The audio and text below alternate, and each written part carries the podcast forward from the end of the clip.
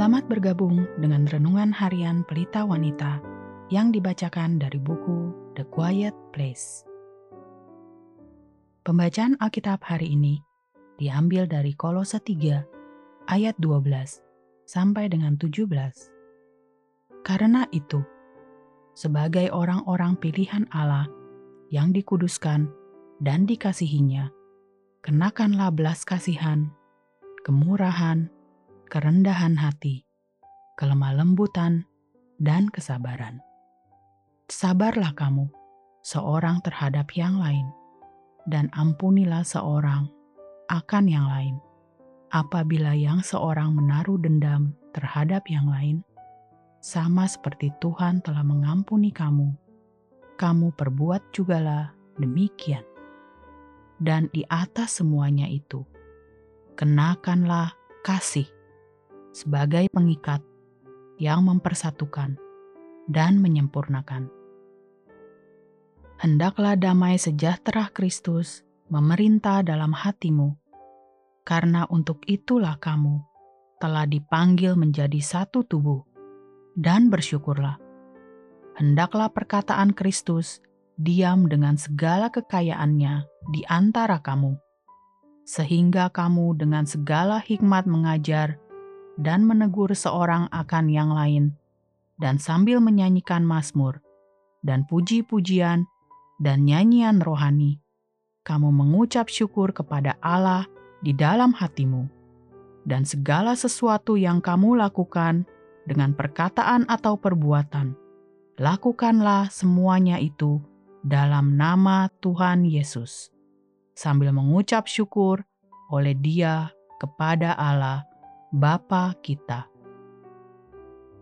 Ayat kunci hari ini adalah dari Kolose 3 ayat 12 sampai dengan 13.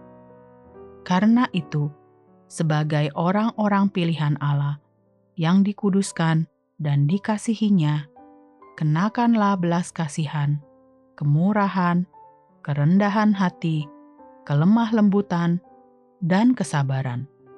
Sabarlah kamu seorang kepada yang lain, dan ampunilah seorang akan yang lain, apabila yang seorang menaruh dendam kepada yang lain. Membangkitkan kasih. Jenny dan suaminya telah menikah selama lima atau enam tahun. Apa pun perasaan yang pernah ada di pernikahan itu telah lama hilang Benci bukanlah sebuah kata yang terlalu keras untuk menggambarkan apa yang berpacu dalam hatinya ketika dia marah kepada suaminya.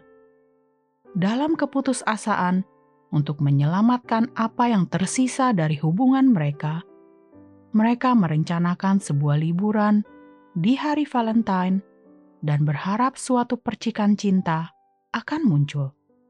Tetapi tidak namun, sambil memaksakan diri menjalani akhir pekan yang tegang dan mengecewakan, tanpa kisah romantis seperti di buku-buku yang datang menyelamatkan mereka. Mereka mengendalikan diri dan pikiran mereka, kemudian bersepakat atas satu janji baru: berhenti berbicara kasar satu sama lain. Berbicara kasar sungguh menyia-nyiakan tenaga dan emosi mereka. Mereka juga tidak akan bercerita dan mengeluh kepada teman-teman mereka. Tahukah apa yang suami saya lakukan? Tahukah apa yang istri saya katakan? Kalau hanya itu, tentunya mereka bisa melakukannya.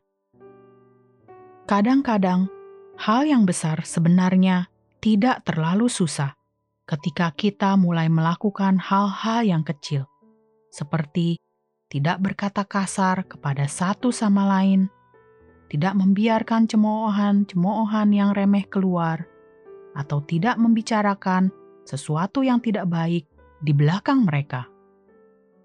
Setidaknya, itulah yang terjadi pada situasi Jenny. Setelah enam bulan berlalu, pernikahan mereka yang tadinya bermasalah menjadi lebih baik. dan mereka melihat Allah benar-benar telah membangkitkan apa yang sudah mati dan sedang menuju kematian.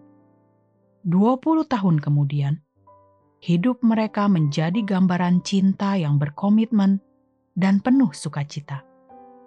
Tidak, tidak semua situasi buruk pasti menjadi lebih baik seperti ini.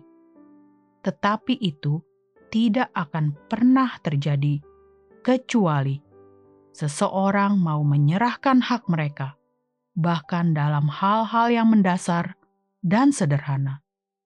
Tindakan-tindakan kerendahan hati dan kebaikan hati yang sederhana dan dilakukan sehari-hari digerakkan oleh roh dan kasih akan Kristus. Mungkin hanya itu saja yang dibutuhkan untuk memperoleh dan mempertahankan kasih dan kuasa Allah mengalir melalui hubungan Anda yang paling sulit. Sebagai penutup, mari kita renungkan pertanyaan ini. Dalam hubungan apa pun di mana hal ini paling berlaku untuk Anda, apakah satu atau dua langkah pengorbanan kecil yang bisa Anda ambil demi untuk kedamaian dan pemulihan?